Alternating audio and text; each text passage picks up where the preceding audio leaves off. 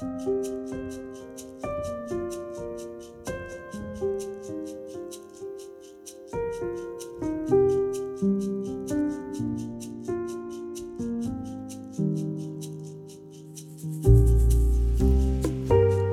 tidligere podkast nevnte jeg så vidt profeten Jonah.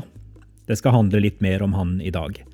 Jonah-boken er en av de korte bøkene i Bibelen som du kan lese på ti minutter.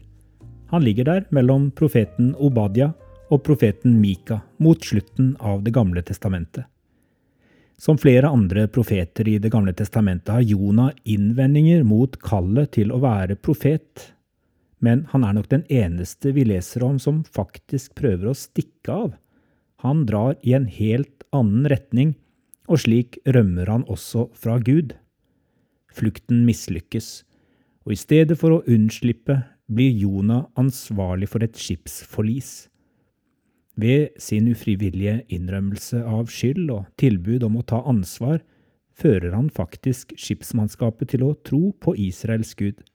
Han blir misjonær for dem som dyrker forskjellige guder.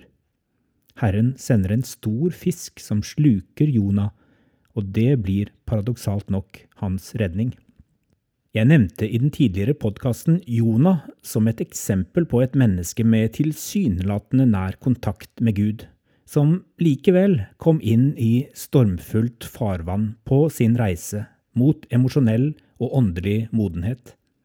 Det kan virke litt fremmed å anvende moderne uttrykk som emosjonelt umoden på en profet i Det gamle testamentet, men jeg skal forsøke å forklare litt nærmere hva jeg mener. Jonah-boka beskriver en profet som blir kalt til å gjennomføre et oppdrag han ikke har lyst til, å tale sannheten til det gudløse folket i Ninive.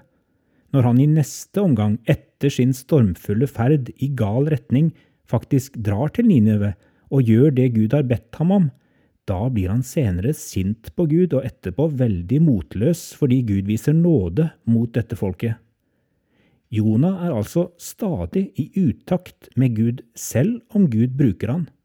Og det interessante er at alt det som skjer i Jonas liv, på et vis brukes av Gud i den større fortellingen om dom og frelse for mange mennesker. Jonah er en mann som både viser følelser som fortvilelse, sinne, sorg og tristhet og Gud møter ham i alt sammen. Han er der både i oppturene og nedturene.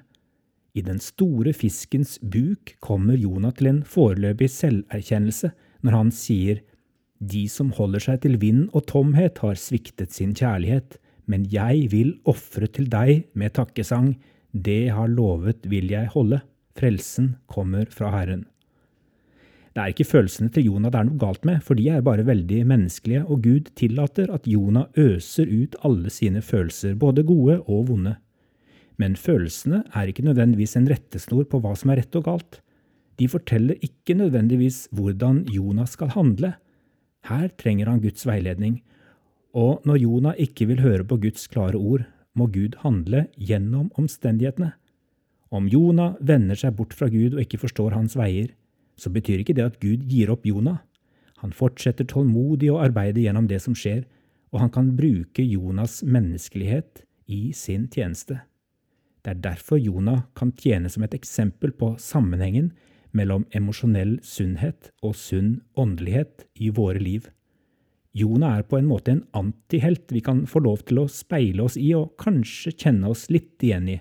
Det er ganske befriende, syns jeg, at Bibelen ikke bare presenterer oss for overåndelige helter, men nesten like mye for feilende og sviktende personer med ganske dårlig dømmekraft.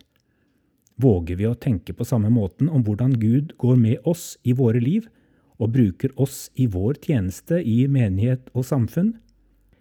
Sist, men ikke minst, Jonas' liv brukes av Jesus som et forbilde på hans egen vei gjennom døden på korset til oppstandelsen fra graven. Dere skal ikke få noe annet tegn enn Jonategnet, sier Jesus i kapittel 12. For slik profeten Jonah var i buken på den store fisken i tre dager og tre netter, slik skal menneskesønnen være i jordens dyp i tre dager og tre netter.